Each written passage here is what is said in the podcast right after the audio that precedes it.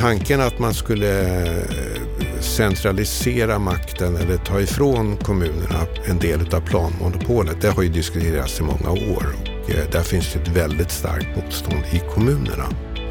Men jag menar, i en sån region som Stockholm så är det ju konstigt att kommunerna, att kommunerna skulle ha monopol på planläggningen eftersom Stockholm ändå är en enhet. Så gör man ju inte när det gäller sjukvården, så gör man inte när det gäller lokaltransporterna. Varför ska man göra det när det gäller bostäder?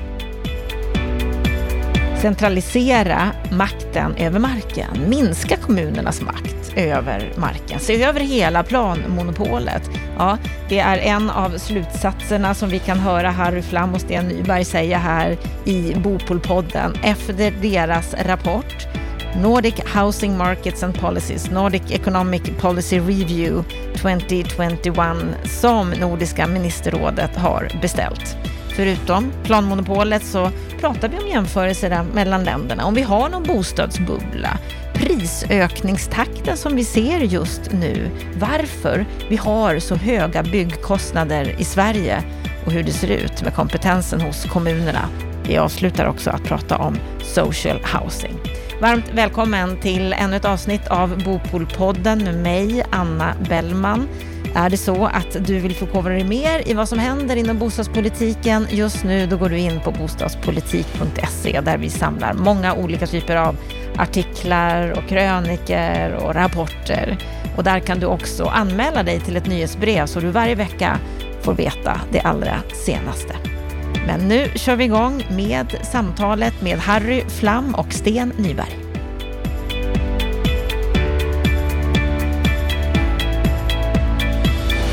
Idag ska vi dyka ner ännu mer i bostadspriserna. Vi ska också prata om stigande byggkostnader, social housing bland annat. Framför allt så ska vi titta närmare på en ny rapport som Nordiska ministerrådet har beställt.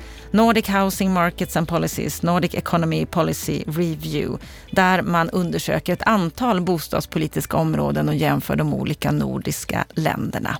Varmt välkommen till Bopolpodden, Harry Flam och Sten Nyberg. Tack. Tack. Harry, du är professor emeritus i internationell ekonomi vid Stockholms universitet. Vad är din sinnesstämning idag? Beträffande bostadsmarknaden i största allmänhet? Ja, i största allmänhet största tänker jag. Allmän, ja, den är bra därför att eh, idag blev det riktigt varmt. Ja. Jag cyklade hit för första gången sedan i höstas. Så det var ju bra. Det är något att vara tacksam över. Ja. Vad är sinnesstämningen när det gäller bostadspolitiken då? Ja, den är väl blandad måste jag säga. Ja. Ja, och kanske ännu mer blandad efter den här rapporten. Vi får se. Ja. Sten Nyberg, du är professor i nationalekonomi vid Stockholms universitet. Vad är din sinnesstämning idag?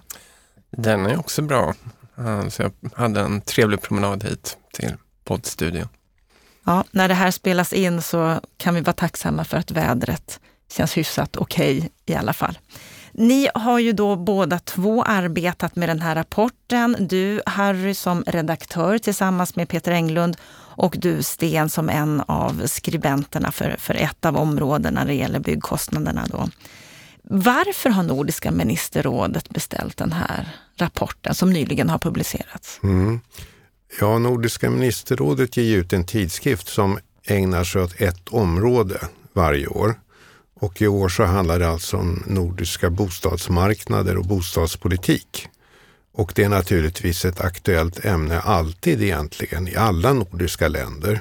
Och de nordiska länderna har ju ungefär samma problem på bostadsmarknaderna i olika omfattning och de har löst de där problemen eh, på i princip samma sätt men, men ändå lite olika och i olika omfattning där också. Och det är intressant att jämföra eh, för att se om man kan ta efter någonting som har gått bra i något land och undvika något som inte har gått så bra i något annat land. Är det lätt att jämföra de nordiska länderna? Ja, det tycker jag. Det är ganska lätt. Eh, eh, dels så kan man läsa sig till eh, hur det förhåller sig på olika marknader eftersom språken inte är så olika och mycket litteratur finns i och för sig på engelska. engelska. Och sen är bostadsmarknaden ganska likartad. Jag tänker på olika upplåtelseformer till exempel, olika ja, beskattningen är ganska likartad också. Har vi mycket att lära av andra länder? Ja, eh, vi har en del att lära tycker jag. Och vad är syftet med den här rapporten? Ja, det är just det att, att man ska få ett lite vidare perspektiv på den egna bostadspolitiken eh, och att det ska kanske stimulera diskussionen i bostadspolitiken. Kommer man lyckas med det? Jag vet inte. Eh, för mig som har hållit på med bostadspolitik en del tidigare eh, så var det kanske inte så många överraskningar. Eh, men en del finns det ju. Eh, till exempel när det gäller den sociala bostadspolitiken i Finland, bostadsbeskattningen i Norge. Ja, det finns en del saker.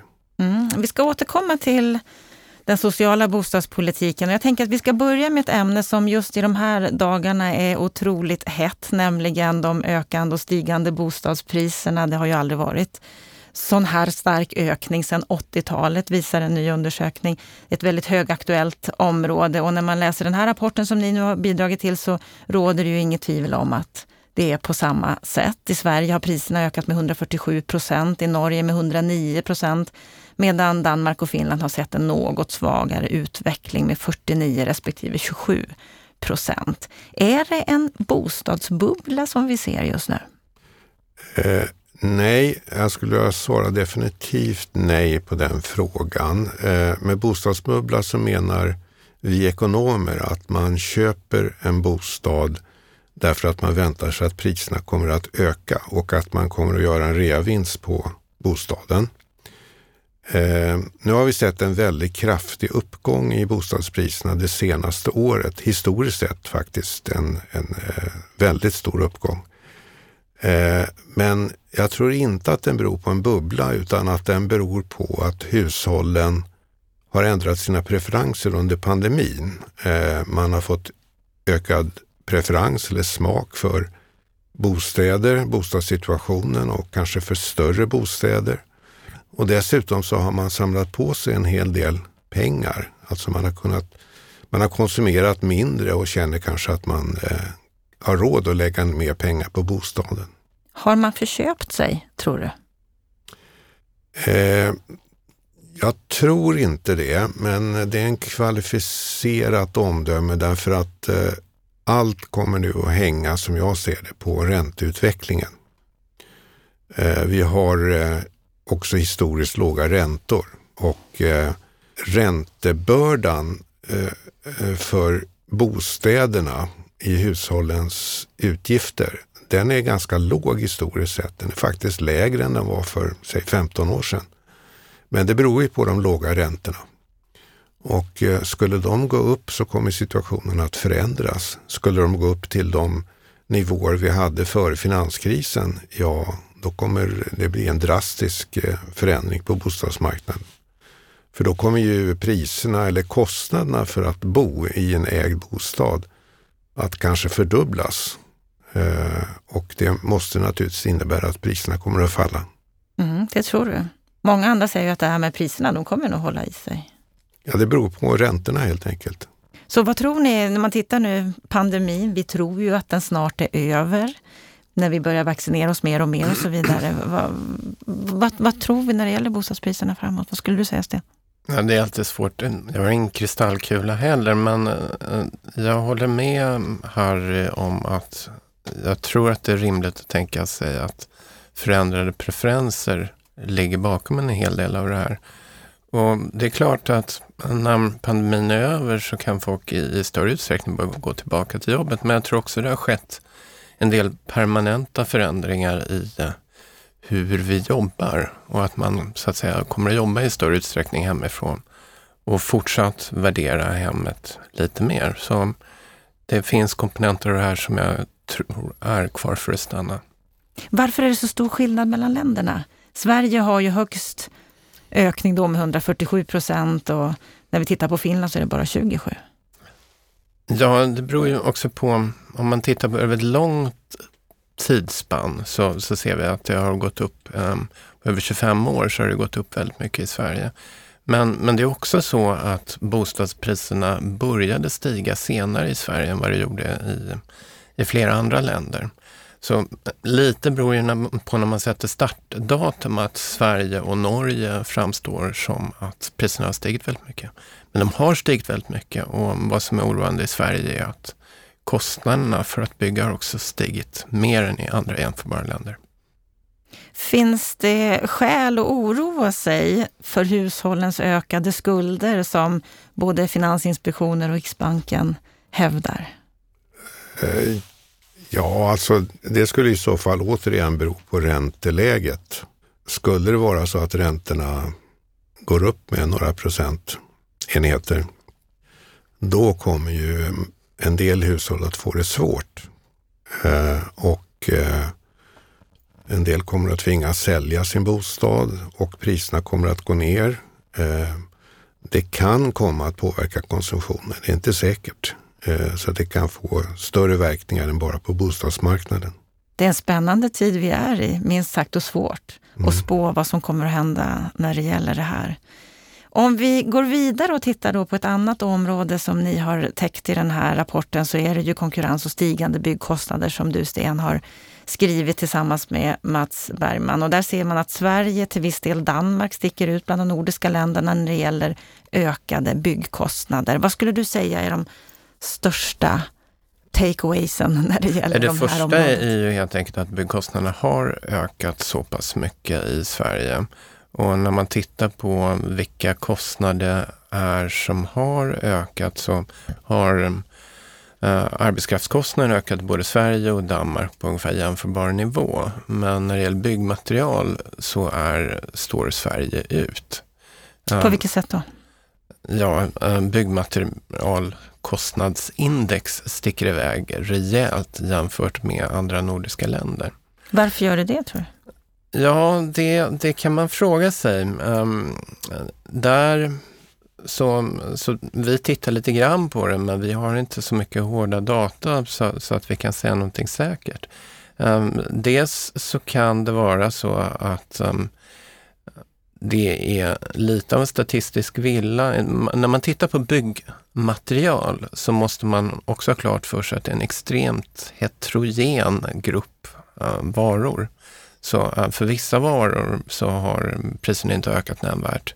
Och för andra har de eh, stuckit iväg, ja faktiskt i något fall på, ja i och för sig en lång tidsperiod på 2000 procent. Så, så det skiljer sig väldigt mycket åt.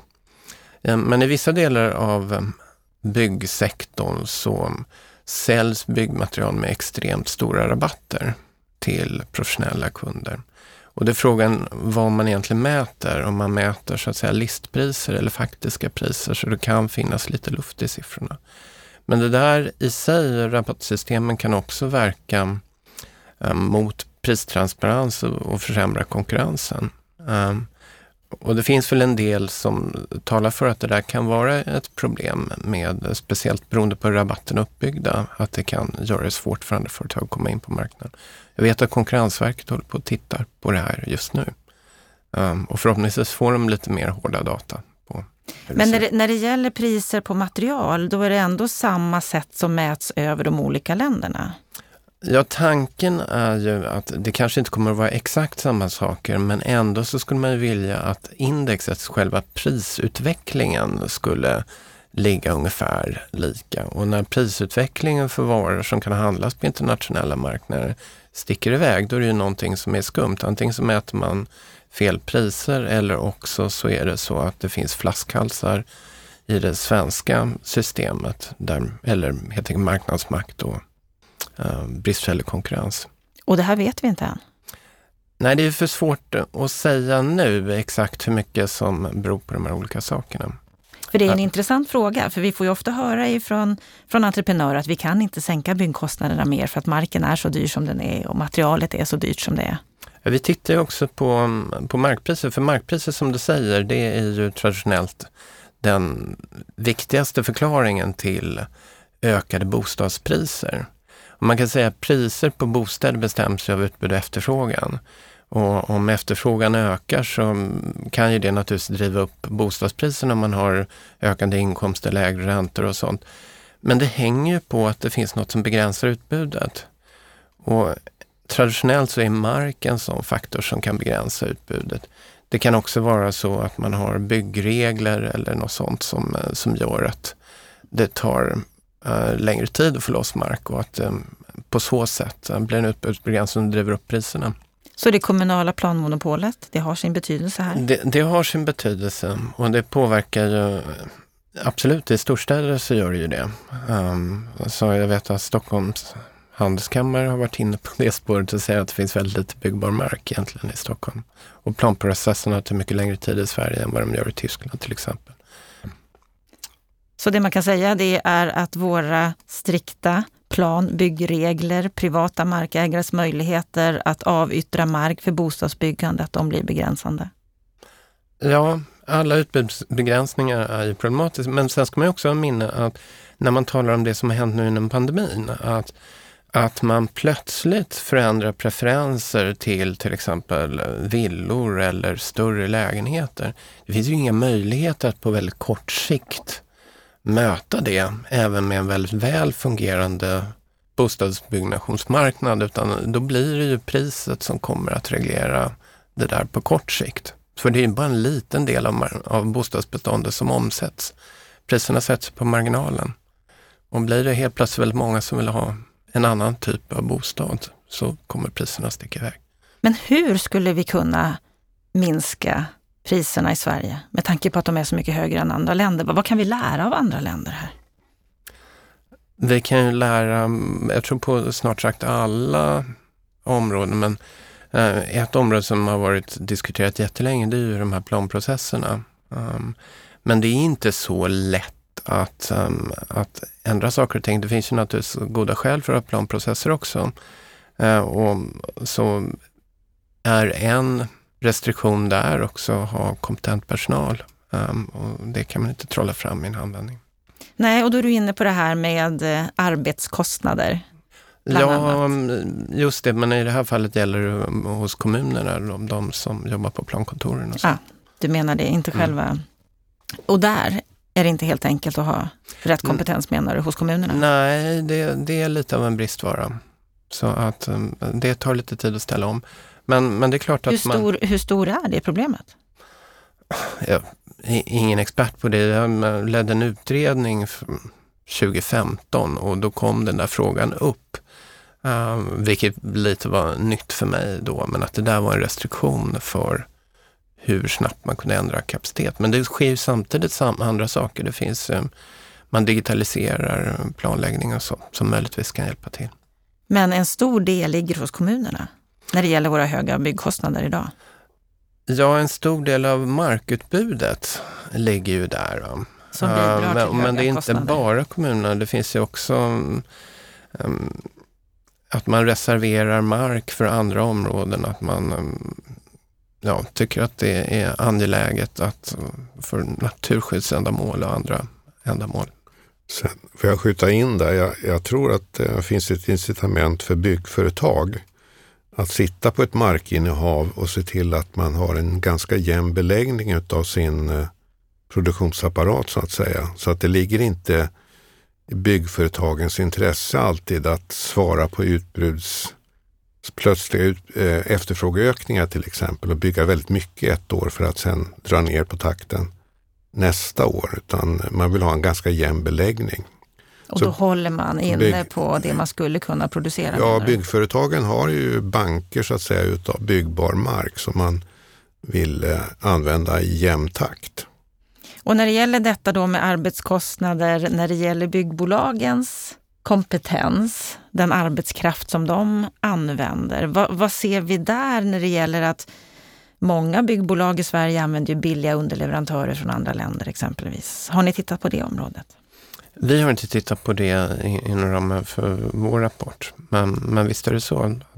Mm, att det drivs på just nu i alla fall, att försöka rensa i det här när det gäller, gäller att, att det kanske inte alltid är helt korrekt arbetskraft som används? Nej, där finns det väl ett samarbete mellan um, i, i, branschen där man, ja, det heter ID06, där man försöker styra upp och ha bättre kontroll på det där. Så det är väl ett lovvärt initiativ. Men det kan ju också bidra till högre löner? Att det blir ännu högre byggkostnader? Um, Ja, det, det, kan det väl göra, men um, om vi nu tittade på det vi såg, så, så visserligen har lönerna stuckit iväg um, i, i samma takt som Danmark då. Men där Sverige verkligen avviker, det är ju så att säga på byggmaterial. Så hur kan Sverige vända den här trenden med stigande byggkostnader och att vi ligger högst i klassen när det gäller de nordiska länderna? Jag ska skjuta in en liten brasklapp också. Att byggkostnader, det beror ju också på vad man bygger för något och var man bygger. Att det är naturligtvis dyrare att bygga på någon liten sticktomt in i stan än vad det är att bygga på något gärde långt bort. Och det är också hur väl man utrustar lägenheter och sånt. Bygger man på väldigt dyr mark så verkar det vara rimligt att ha en bättre utrustningsnivå om man vänder sig till en annan publik. Så det där finns ju också i byggkostnaderna så att man får vara noga med att jämföra samma saker. Så att, Men bygger Sverige då på dyrare mark än vad andra nordiska länder gör? Ja, alltså markpriserna i, i storstadsområden där efterfrågan är stor, de är ju höga. Så är det ju. Att eh, det, är, det är mindre byggnation i Västernorrland. Alltså, det kom ju några siffror idag från SCB som visar hur mycket um, nyproduktion som sker. Där var Uppsala byggdes ju väldigt mycket. Um, men ja, som jag nämnde, i Västernorrland så är det um, relativt få lägenheter per tusen invånare. 0,9 eller något. Mm. Och om vi då tittar och jämför med de andra nordiska länderna, jag vill ändå, ändå landa i det. Finns det någonting Sverige har att lära där vi faktiskt kan sänka våra byggkostnader och inte bara hela tiden argumentera för att det går inte, det går inte, vi gör det vi kan. Eftersom vi ligger så pass mycket högre än andra. Både när det gäller mark och material som du har nämnt här. Lite en fråga om vilja och beslut. det är klart att löser man upp knutar på utbudssidan, så att säga, tillgängliggör mer byggbar mark, ehm, då kommer ju även det som Harry tog upp, eh, byggbolagens incitament att hålla ett lager, det blir ju mindre viktigt om man är säker på att man kommer att få tillgång till mark löpande. Men det kan man ju inte vara nu när det kan ta till upp till tio år från att ha en idé och bygga något ehm, tills att man faktiskt kan sätta igång och göra det. Då måste man ju för att försörja sin eh, organisation med arbete så måste man ju ha lite markplager. Men kan man dra ner tiderna alltså, som, ja, kanske inte ens till, ja, inte till tyska nivåer, det kan vara ett halvår eller vad det är nu.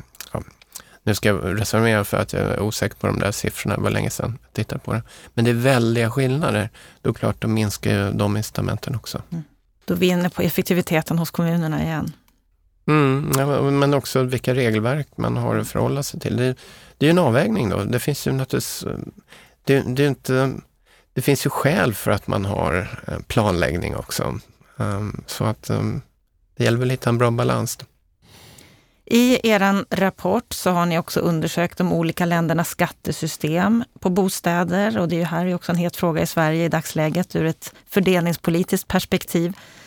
Bara för, för några dagar sedan så, så fastslog ju vår statsminister Stefan Löfven att det inte är aktuellt att införa fastighetsskatt igen. Hur ser det här ut i de andra länderna? Eh, bostadsbeskattningen i de nordiska länderna är ganska låg. Eh, jag tänker framförallt då på fastighetsskatten. Eh, och internationellt sett så är den alltså låg. Eh, och motståndet mot att höja fastighetsskatten är stort, inte bara i Sverige utan i andra länder också. Eh, men det finns samhällsekonomiska vinster av att öka bostadsbeskattningen, eh, utsträcka den till bostadsrätter och till exempel minska beskattningen av arbete istället. I er rapport så konstaterar ni att det finns en skattemässig fördel att äga sitt boende i de flesta nordiska länderna och då undrar man ju osökt ifall det finns andra åtgärder som syftar till att gynna det hyrda boendet.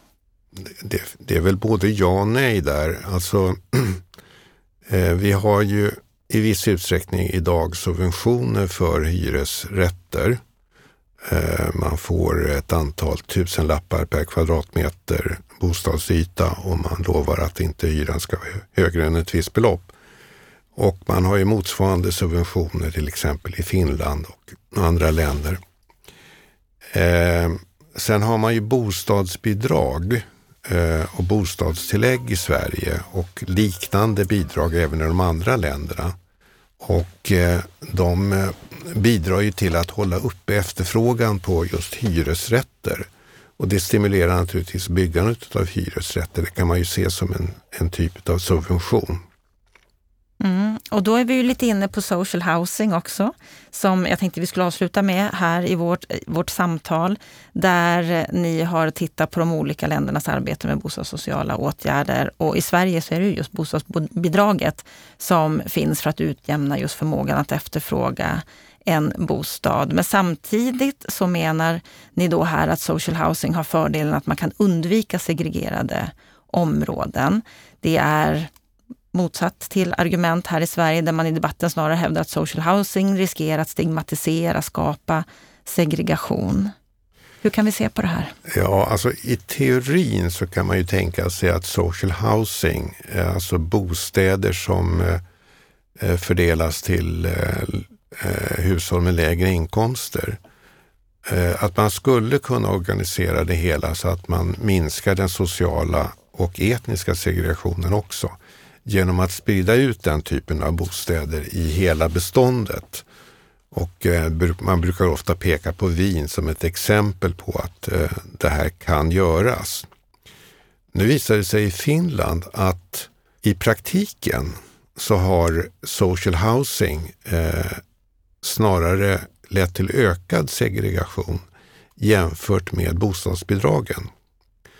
Eh, som eh, alltså kommer till hushållet och hushållet självt får då bestämma var man vill bo någonstans. Det visar sig att det har en mindre segregerande effekt än eh, social housing. Så att det, det, i praktiken så går det inte alltid som man har tänkt sig. Så det är en ganska svår fråga det där. Finland har eh, social housing i större utsträckning än något annat nordiskt land. Eh, de har ett stort bestånd av eh, hyreslägenheter eh, som ägs av speciella bostadsbolag. De har också en stor privat hyresmarknad. Social housing finns i mycket liten utsträckning i Norge. Man kan diskutera i vilken utsträckning det finns i Danmark. De har Eh, Eh, de har allmännyttiga bost privata bostadsföretag som hyr ut till eh, eh, hushåll med lägre inkomster. I Sverige så har vi ju social housing på så sätt att socialförvaltningarna hyr ut bostäder i andra hand till hushåll som inte kan få tag på en bostad på annat sätt. Eh, den sektorn är väldigt liten. Å andra sidan så har vi hela hyresmarknaden är ju i praktiken reglerad, så hyrorna är ju reglerade. Så att det fungerar väl på sätt och vis som social housing också. Det är bara det att den är ju inte, där tilldelas ju inte hyresgäster på grundval av inkomst utan på grund av väntetid. Hur skulle vi kunna lösa den här situationen i Sverige? Vi har ju fler och fler som inte har möjlighet att efterfråga en bostad. Ja, eh, jag tycker ju att man borde eh, låta hyressättning bli mer marknadsmässig. Eh, och inte bara i nyproduktionen som är en, en, eh, en ambition åtminstone för den nuvarande regeringen. Som marknadshyror i hela beståndet?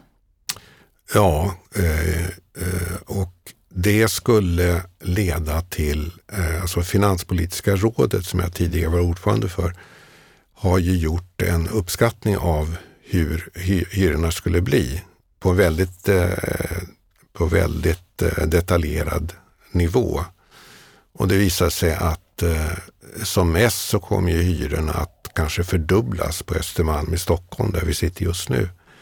Men å andra sidan så kommer de knappt att höjas alls och till och med sänkas eh, på vissa orter i Sverige. Framförallt så kommer de inte höjas i glesbygd, de kommer inte höjas på mindre orter, utan det här är framförallt ett problem i storstäderna och universitetsstäderna. Men hur skulle det hjälpa svaga hushåll att få en bostad? Då måste man öka bostadsbidragen helt enkelt.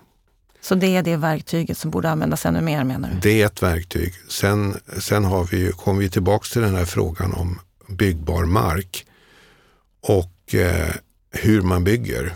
Och det, finns ju ett, det finns ju exempel på byggföretag i Sverige som bygger billigare, mycket billigare än eh, den allmänna kostnaden. Så att det går ju att sänka kostnaden.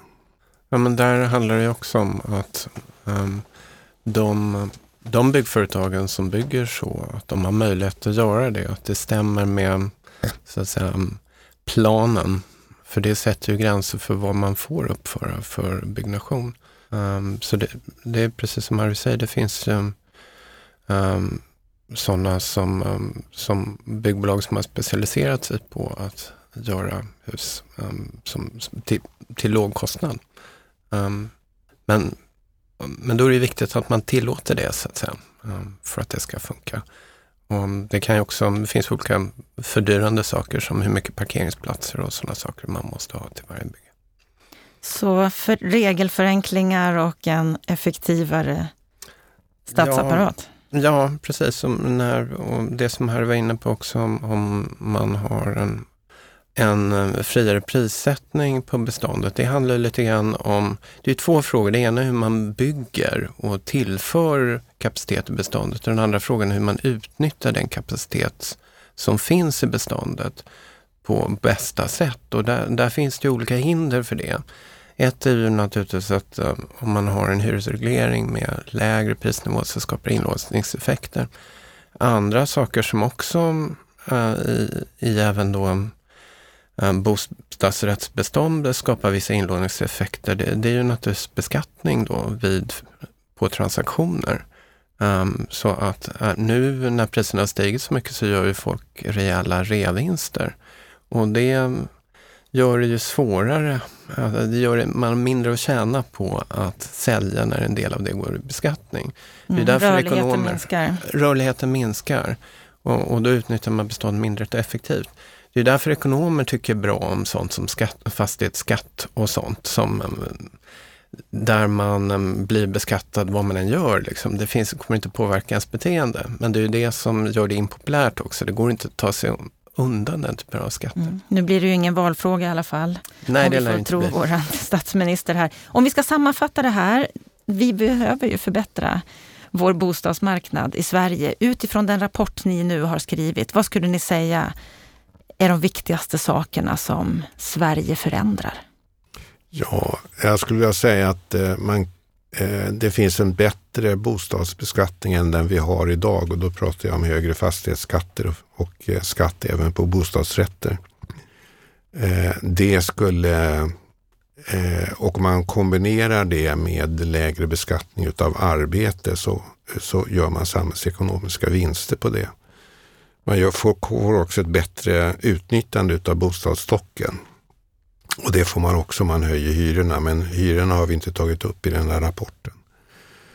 Eh, sen har vi ju sett då att byggkostnaderna har blivit väldigt höga i Sverige, högre än i andra länder.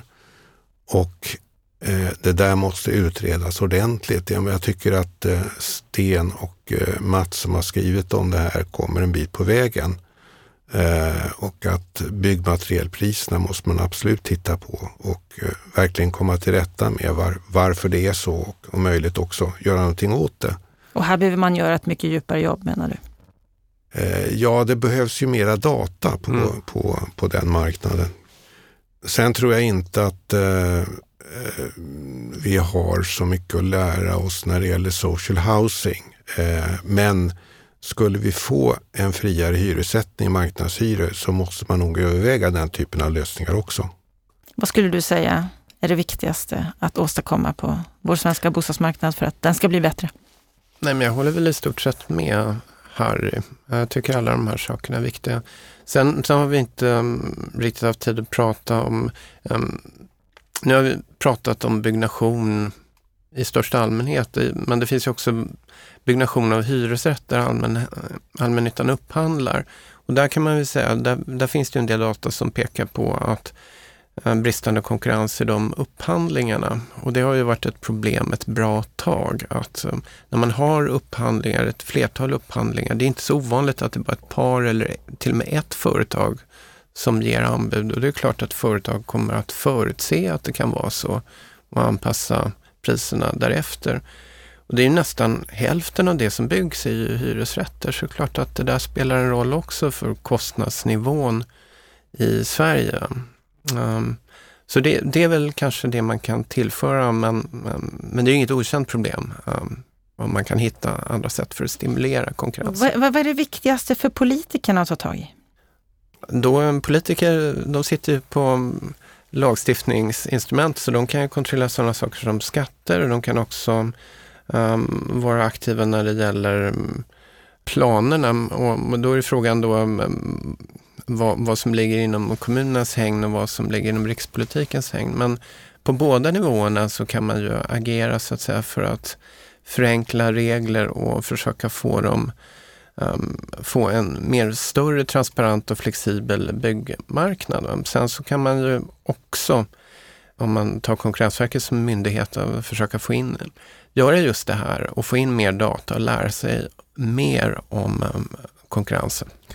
Ja, jag skulle vilja understryka vad Sten säger. Eh, han var inne på det här med lokal, alltså kommunernas planmonopol och vad rikspolitiken kan göra. Jag tror att eh, man måste centralisera makten över marken mer än vad eh, fallet är i Sverige. Eh, och planera det på ett helt annat sätt och göra mera mark tillgängligt. Det är, det är flera författare i den här rapporten som pekar på att de problem så att säga de är satta att skriva om egentligen eh, ja, skulle bli, åtminstone bli mindre eh, om man hade ett större utbud av bostäder. Och där är då marken eh, den avgörande faktorn. Kommer politikerna att lyssna på er här? Kommer den här rapporten att leda till någonting? Eh, tanken att man skulle eh, centralisera makten eller ta ifrån kommunerna en del av planmonopolet, det har ju diskuterats i många år och eh, där finns det ett väldigt starkt motstånd i kommunerna. Men jag menar i en sån region som Stockholm så är det ju konstigt att kommunerna, att kommunerna skulle ha monopol på planläggningen eftersom Stockholm ändå är en enhet. Så gör man ju inte när det gäller sjukvården, så gör man inte när det gäller lokaltransporterna. Varför ska man göra det när det gäller bostäder? Kommer det bli någon förändring? Eh, ja, man kan hoppas. Och er rapport kan vara en del kanske, åt det hållet, eller kanske. vad tror du? Har du någon förhoppning här? Ja, men eh, man måste säga samma sak tillräckligt många gånger. Till slut kanske det lossnar. Och nu har ni sagt det i Bopolpodden. Stort tack för att ni kom hit, Harry Flam och Sten Nyberg. Tack. Tack.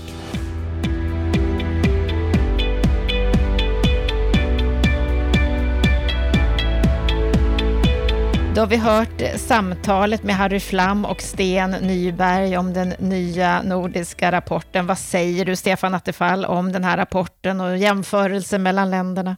Jag tycker det är viktigt och intressant att man gör det här, tar, tar initiativ från Nordiska ministerrådet.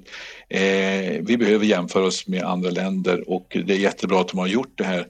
Eh, en reflektion som de inte var förstått tar upp det är ju den reflektion som jag gjorde som bostadsminister och det var att vi har ju faktiskt byggt mycket mindre i Sverige jämfört med andra länder. Då, då mätte vi från 90-talets början fram till 2010-2014 och jag har sett även studier efter det så har vi jämfört med Norge, Finland, Danmark byggt kanske nästan hälften. Skillnaden nu på slutet då har danskarna legat på våra nivåer och även jämfört med OECD genomsnitt och med tyskar och andra länder så har Sverige faktiskt byggt mycket mindre per tusen invånare.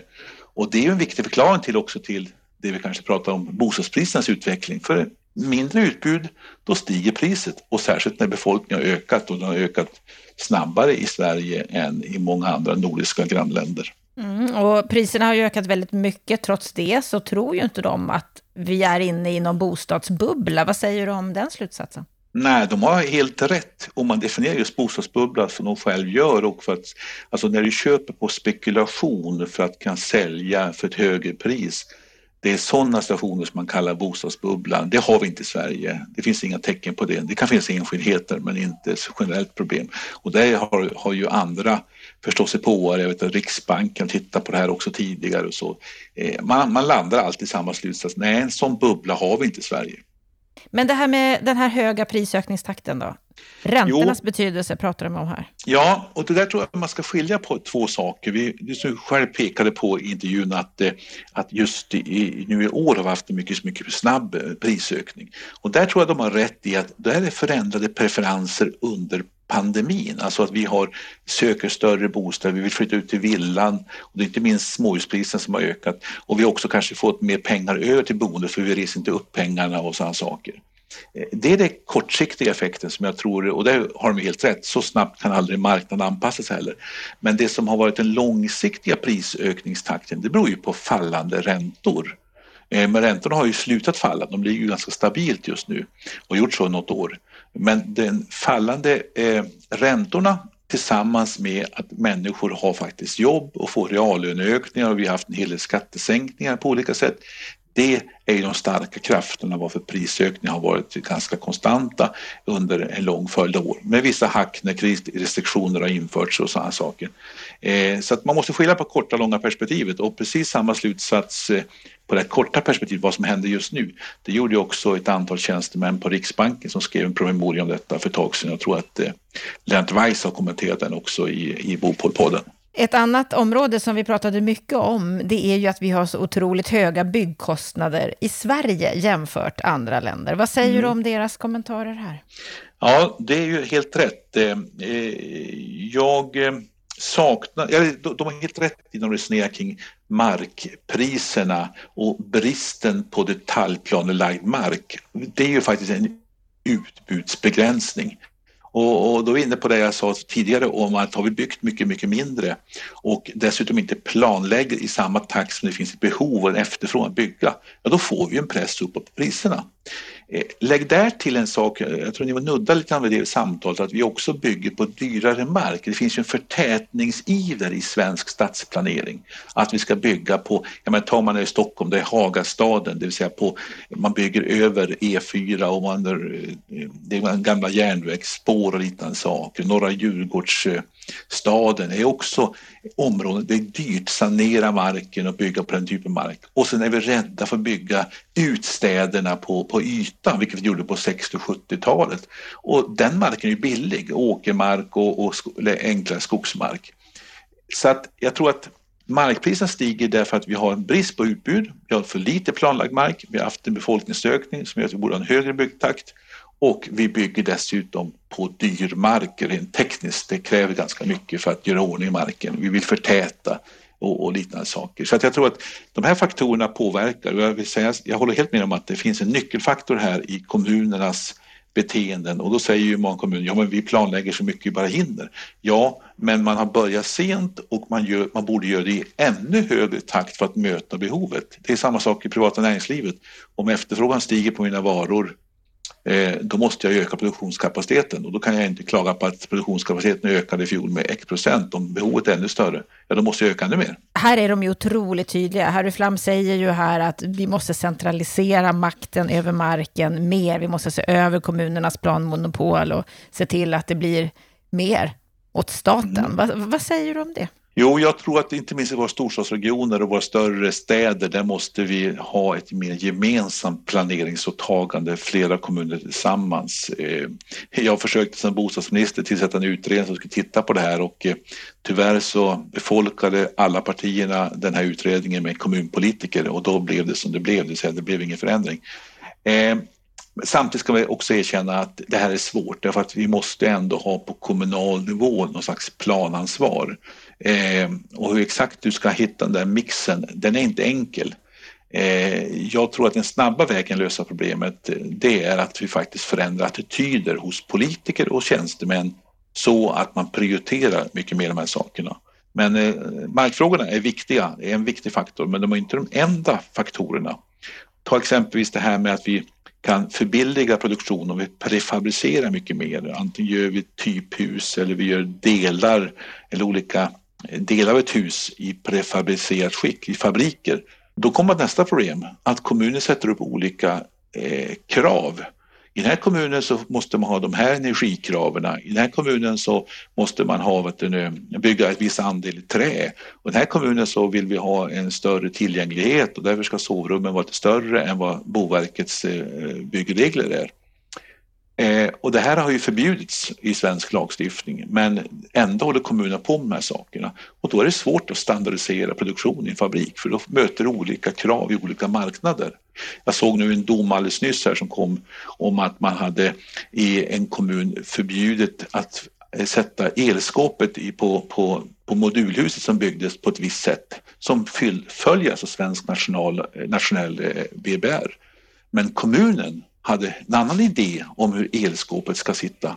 Och då hade den här byggaren gått till eh, domstol och konstaterat att eh, eh, byggaren tolkade lagen rätt. Kommunen får inte ha annorlunda krav. Men det är bara ett exempel. Till och med ett elskåp sätts då utifrån någon godtycklighet ute i kommunerna på andra sätt och förstör förutsättningar att bygga upp produktionskapacitet som förbilligar produktionen. Här är ju Sten Nyberg också tydlig att han tycker att kommunernas kompetens är alldeles för dålig och att det fördyrar. Ja, kompetens men också ska jag säga, en politisk vilja ibland, både bland, bland politiker att ha en egna regler, egna påhitt. Ja, men jag har nämnt förut om Jönköpings kommun som har infört egen, egna krav på hur mycket som ska byggas i trä och man vill ha annan regelverk för att planlägga mark som har, innehåller någon, någon typ av åkermark. Alltså ha strängare regler än vad, eh, vad nationell lagstiftning eh, kräver. Och då får vi alltså 290 eller 286 kommuner som på något sätt leker eh, boverk eller leker nationell myndighet. Och, och då inser ju alla, då går det aldrig att göra en produkt som är lika i flera kommuner. Om jag nu är ett byggföretag och utvecklar en produktionsmetod, jag kanske investerar i en fabrik för att producera en viss typ av bostäder. Då måste vi få avsättning på det här på, i hela Sverige. Men så möter jag olika regler. Då inser ju alla att det går ju inte och det finns inga instrument att bygga upp den här produktionskapaciteten. Så vad du Där säger det är att det ligger mycket hos kommunerna att det är så dyrt att bygga i Sverige? Jag ska säga så att en hel del ligger på kommunerna. Det vill jag påstå, både i markpolitiken men också i de olika reglerna som sätter upp. Sen ligger också en del på de nationella lagstiftningarna. Sen är vi ett högprisland, alltså vi har höga skatter och höga löner, det påverkar också. Men jag tror att Sten Nyberg nämnde inte en sak som han konstaterade i en utredning han gjorde. Han nämnde om en utredning han jobbade med 2015. Jag var med och tillsatte den utredningen och eh, eh, där pekade han på också att i Sverige så Eh, har vi haft en ojämn produktion av bostäder. Alltså vi bygger inte ungefär lika mycket varje år utan det går upp och det går ner och det går upp och går ner. Och det här gör ju också att de företag som vill producera i fabrik olika saker, de vågar inte investera därför att de vet inte om jag har avsättning för det här om 5, 10, 15 år. Så jag tror att det skapar man en bättre stabilitet i bostadsbyggarpolitiken då skapar man också mer instrument till företag att våga investera i produktionsfabriker som i sin tur levererar olika delar eller hela hus till exempelvis, eh, eh ja, exempelvis för att, för att kunna pressa eh, då kostnader eller för att på olika sätt göra byggandet billigare och snabbare.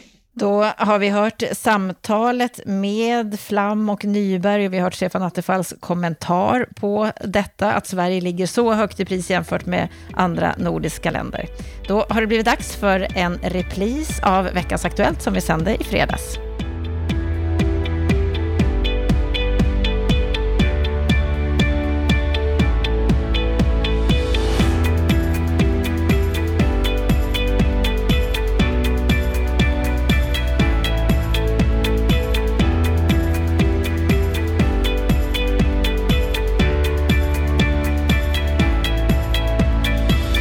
Under veckan som har gått så har det varit en hel del om bostadspolitiken i media. Bland annat så kan vi läsa att Riksrevisionen menar att det är stora brister när staten satsade miljarder på kollektivtrafik i utbyte mot nya bostäder. Det de menar här är att staten satsade i Sverigeförhandlingen 20 miljarder kronor på regional kollektivtrafik i utbyte mot utökat bostadsbyggande. Och Riksrevisionen de konstaterar här att underlagen för kostnader och samhällsekonomi hade stora brister och att projektens uppföljning har varit otillräcklig. Dessutom så är antalet nya bostäder som byggs som ett resultat av satsningarna sannolikt få. Lennart Weiss, vår expertkommentator, vad säger du om det här? Jag är en smula förvånad över att man väljer att göra en utvärdering utav den här satsningen redan nu. Vem som helst som är insatt i bostads och samhällsplaneringsfrågor vet att planeringscyklerna för den här typen av verksamhet är extremt långa. Det kan vara tio år från idé till genomfört projekt. Sverigeförhandlingen genomfördes för en fem, sex år sedan. Det var under sista åren som regeringen Reinfeldt satt eh, vid makten som den tillsattes. Och eh, det är för all del korrekt att, att Sverigeförhandlingen genomfördes i ett väldigt, väldigt snabbt tempo. Men det som Riksrevisionen ju verkar blunda för, det är ju att vid eh, ska säga, årsskiftet 2017-18 så fick vi ju en oerhörd dipp i bostadsmarknaden av kända skäl. När alltså amorteringskrav nummer två genomfördes och bankerna började tillämpa en striktare eh, eh, variant utav eh, skuldkvotstaken tidigare, då föll bostadsmarknaden och den föll väldigt brant. Alltså bostäder kan inte planeras fram eh, om någon instans utan det är marknaden, det är efterfrågan som ytterst eh, avgör hur fort man kan bygga. Jag skulle nog säga så här, så, vitt, så långt jag kan överblicka så gör jag bedömningen att kommunerna faktiskt har eh, fullföljt och eh, tagit sin del av det här betinget. Det vill säga de har skrivit fram planer som motsvarar de ambitioner man hade i Sverigeförhandlingen. Men sen tar det ju ett antal år, speciellt när det har varit en, en konjunkturnedgång, för det är vad vi de facto fick på grund av eh, kreditrestriktionerna. Kom ihåg att byggandet halverades i Stockholms län från 2018 till 2020. Och det tar tid att komma ikapp, så att utvärdera effekterna av Sverigeförhandlingen nu, det verkar förhastat och inte grundat i hur vad ska vi säga, processerna kring samhällsplanering och bostadsbyggande går, går till. Eh, jag tror att det kommer att visa sig med ett perspektiv framåt att Sverigeförhandlingen har varit en stor framgång. Vi lämnar Sverigeförhandlingen och går vidare till Norrland där Stellan Lundström säger i Fastighetsnytt att han är skeptisk till utvecklingen i Norrland. Grattis Norrland, men hur ska ni locka arbetskraft, skriver han. Han menar att den gröna industrin den har utvecklats med raketfart i norra Sverige, men enorma, med enorma investeringar även i stadsutveckling som följd. Men han menar att det finns stora frågetecken kring det här. Ja, vad säger du om det, Stellan Lundström, professor i fastighetsekonomi, säger här? Han har ju rätt i, i så mått att eh, här har det skett en, en kantring eh, vad gäller förutsättningarna för Norrland, norra Norrland när det gäller förutsättningarna för, för att leva och, och bo i eh, den norra landsänden. Eh, och det är fortfarande så att politiken vaknar lite nymornat. Det här kommenterade vi ju som du minns i veckans Aktuellt bara för ett par veckor sedan. Och då eh, lanserade jag tanken om ett statligt flyttbidrag, någonting som arbetsmarknadsministern tog upp så sent som i onsdags. Och då kommenterade Handelskammaren uppe i Norrbotten att det är en bra idé, men det räcker inte. Och det håller jag med om. Så att jag håller ju med om både Stellan Lundströms grundanalys och jag håller också med Norrbottens handelskammare att det krävs mer. Men likväl som det tog en stund för politiken att, att, eh, ta fram politiska redskap för att möta urbaniseringen som som, som drevs fram mycket tack vare den arbetsmarknads och lönemodell som vi har i Sverige som heter, brukade kallas för Rehn-Meidner-modellen, så fick vi en väldigt kraftig urbanisering under jag ska säga från mitten av 50-talet till mitten av 60-talet och det tog en stund innan den politiska verktygslådan kom på plats. Men den kom på plats i form av flyttbidrag, bostadsbyggande och annat. Nu kan man säga att det är en, en, en, typ av motsatt politiskt program som behövs. Det behövs flyttbidrag, men det behövs också stimulanser för att bygga bostäder. Och det är också viktigt att man tänker i, i termer av att bygga kompletta städer, kompletta samhällen. Nu pratas det om att bygga fler hyresrätter på kort eh, sikt, men om människor ska välja att etablera sig uppe kring Gällivare, eh, Skellefteå, Malmfälten och så vidare, då måste vi, vi kunna erbjuda attraktiva livsmiljöer med kultur, idrott, fritidsaktiviteter, attraktiva boendemiljöer, kollektivtrafik, kommersiell och, och, och, offentlig samhällsservice. Så alla de här sakerna behöver gå hand i hand. Och om man tror att Norrlandskommunerna ensamma ska klara av det i det här läget, då tror man ju fel. Så nu måste det till ett statligt program för hur man ska stötta den här återindustrialiseringen som sker där uppe. Och jag måste ju säga att det som sker där uppe nu, det är det mest häftiga som har skett i Sverige på kanske 30-40 år. både industriellt och samhällsplaneringsmässigt. Nu har man en jättechans att lära sig av misstag i samhällsplaneringen under tidigare år och bygga hållbara, attraktiva, kreativa, innovativa städer. Så nu har man ju verkligen chansen att göra någonting spännande. Och man har chansen. Vakna till. Ja, politiken måste vakna till och man har chansen, men man har ju inte all tid i världen på sig. Nej, det här måste gå jättefort. Men jag tänker att eh, Peter Eriksson, minst du, tillsatte ju en utredning för att bygga nya städer som hade väldigt stark koppling till storstäder och eh, högskoleorter. Den typen av tänkande, den skulle ju behöva eh, appliceras nu på Norrland i Peter Erikssons utredning, eller det var inte hans utredning, men den han tillsatte, så hade man ju föreställningen att man kunde så att säga administrera fram städer på konstlad väg, vilket vi i branschen var starkt kritiska till. Vi trodde ju inte på det där. Men här har du ju en marknadsimpuls och en ekonomisk impuls. Det är gigantiska investeringskapital som ska investeras uppe i Norrbotten, del, delvis också i Västerbotten. Nu har ju samhället en chans att haka på den utvecklingen. Så att eh, Eh, nu ska det bli spännande att se om politiken eh, förmår att, att, att eh, ska vi säga, eh, delta i den dans som, som industrikapitalet och finanskapitalet har bjudit upp till. Det ska bli intressant att se. Stellan Lundström har i grunden rätt. Från Norrland till Moderaterna som i DN i veckan har sagt att de tycker det ska vara möjligt att ombilda hyreslägenheter till ägarlägenheter också i befintliga fastigheter. Carl-Oskar Bolin som är bostadspolitisk talesperson för Moderaterna, han säger att det här blir särskilt intressant i utanförskapsområden som domineras av hyresrätter där det idag inte går att göra en boendekarriär. Vad säger du om Moderaternas förslag här? Ja, i grunden så så tycker jag att det där är en bra idé. Jag stöttar den. Därför att om man ska bryta segregationen och utanförskapet, negativa eh, typer av eh, eh spiraler i de här eh, segregerade förorterna, då måste man bryta olika typer av samhällsstrukturer och en av dem är ju boendestrukturen. Så det är klart som sjutton att, och det, det ser man ju också från olika forskningsrapporter, att om man ska få till stånd positiva spiraler i eh, utsatta förorter, då måste människor som eh, gör en karriär på arbetsmarknaden också kunna göra en karriär i bostadsmarknaden. De, det vill säga att de ska kunna göra en bostadskarriär i det område de kommer ifrån. För om de gör det, då tillförs det Nytt kunskapskapital, nytt ekonomiskt kapital, människor som gör en livsresa och har stabiliserat sitt sociala liv, de kommer att bo kvar och bidra till att sprida den typen av spiraler till andra människor. De blir förebilder, de hjälper till med nätverk och annat. Och så utifrån det perspektivet är det här en bra idé. Jag vet att Hyresgästföreningen och Allmännyttan brukar vara skeptiska till, till eh, den här sortens åtgärder. På den punkten menar jag att de har fel.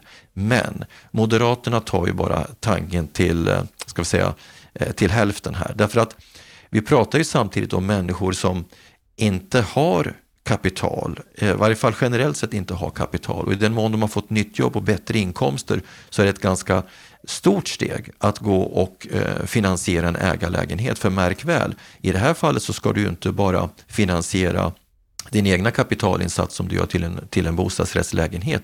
Du ska ju också ta eh, din ägarandel i fastigheten, det vill säga det ska in mer kapital eh, relativt sett. Det är ju mer som att investera i en villa än att köpa en lägenhet. Då behövs det mer kapital. Långsiktigt så ger det attraktiva boendekostnader men den finansiella tröskeln är högre. Och där ser jag inte att Moderaterna kommer med några förslag. Tvärtom så vet jag ju mellan skål och vägg att de är väldigt skeptiska till den där typen av stöd.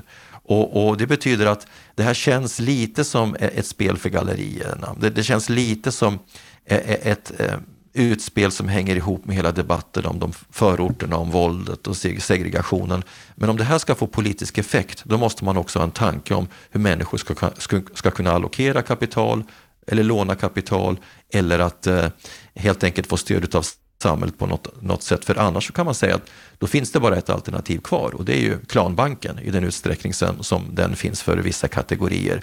Och det är ju knappast en sån utveckling som vi vill ha. Det skulle ju bara förstärka rådande problem utifrån ett antal olika aspekter. Därför att klanbanker finns och de fyller inget gott socialt syfte. De stärker bara sammanhållningen i etniska grupper och, och bidrar till de parallella samhällen som vi redan har problem med. Vi ska avsluta veckans Aktuellt idag med en ny rapport ifrån Skandia som menar att så här kan fler unga köpa sin första lägenhet. Det vi har konstaterat många gånger i den här podden och som har skrivits mycket om i media, det är att det är svårt för unga vuxna att köpa en egen lägenhet med bolånetak, amortering, bankernas kalkylränta. Och i den här nya rapporten som släpptes i veckan så visar Skandia hur justeringar i amorteringskraven skulle ge fler unga i karriären möjlighet att köpa sin egen första lägenhet. Och det handlar då alltså om att sänka amorteringskraven för unga och sedan öka de här kraven successivt med åldern.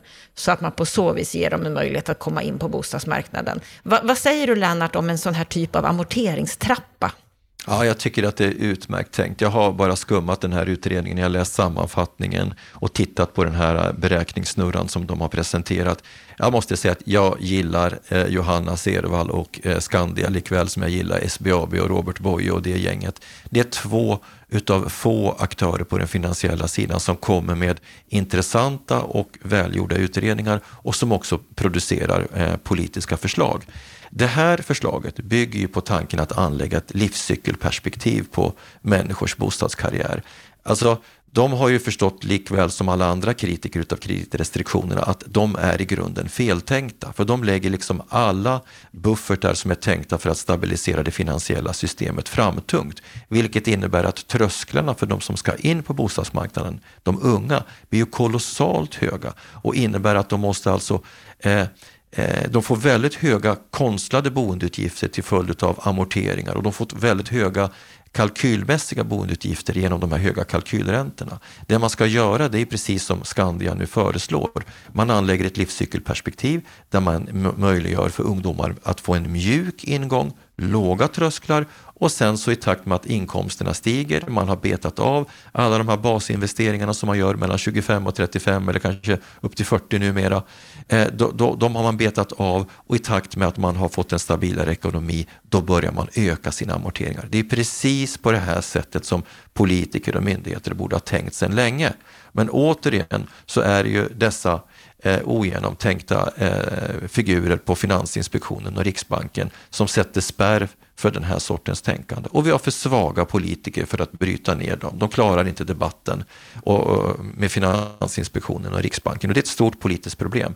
Men den här typen av rapporter bidrar till att stötta de som vill åstadkomma en förändring och synsättet, det principiella synsättet i den här rapporten är helt rätt. Så jättebra, eh, guldstjärna till Skandia och Johanna Serval. En mycket bra och intressant rapport. Det man kan tänka här är ju ändå att de lägger fram ett förslag där de inte helt säger att amorteringskraven ska bort, utan att de faktiskt ska vara kvar, men med vissa justeringar. Och skulle inte det kunna vara något som Finansinspektionen och Riksbanken och politikerna skulle kunna säga ja till? Ja, Finansinspektionen kommer inte att säga ja till det, för det är en intellektuell bunker som har fastnat i sitt eget eh, tankesätt. Det, det har jag inget hopp om överhuvudtaget, inte förrän man byter generaldirektör. Och han har ju precis fått ett förlängt förordnande med tre år, så det är ju eh, mörker. Eh, men för politikerna så skulle det kunna vara ett eh, bidrag. Det är ju inte så att Eh, jag eller andra i den här debatten har sagt att man inte ska amortera, utan det vi har sagt hela tiden, det är ju faktiskt det som eh, Serval och Skandia presenterar, att man ska anlägga ett livscykelperspektiv på det hela.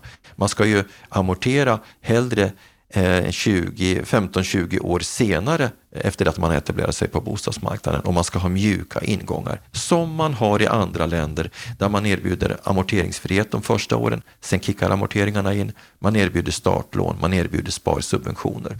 Så i, i, vad gäller själva amorteringstemat så levererar ju Skandia en idé om, om hur man skulle kunna skapa ett system baserat på en sund amorteringskultur men där man vänder på steken och amorterar snarare baktungt än framtungt. Det är helt rätt synsätt om vi vill ha rättvisa mellan generationerna. Ja, vi återkommer alltid till detta med kreditrestriktioner, amorteringskrav och Skandias rapport. Den blir hyllad av Lennart Weiss i veckans Aktuellt. Veckans Aktuellt som vi kör varje fredag och repriserar på måndagar. Och är det så att du vill läsa mer, höra mer, då kan du gå in på bostadspolitik.se där vi samlar allt som har med bostadspolitik att göra, allt vi ser och hör i debatten. Varmt tack för att du lyssnar på Bopolpodden. Med detta så önskar jag dig en riktigt härlig vecka.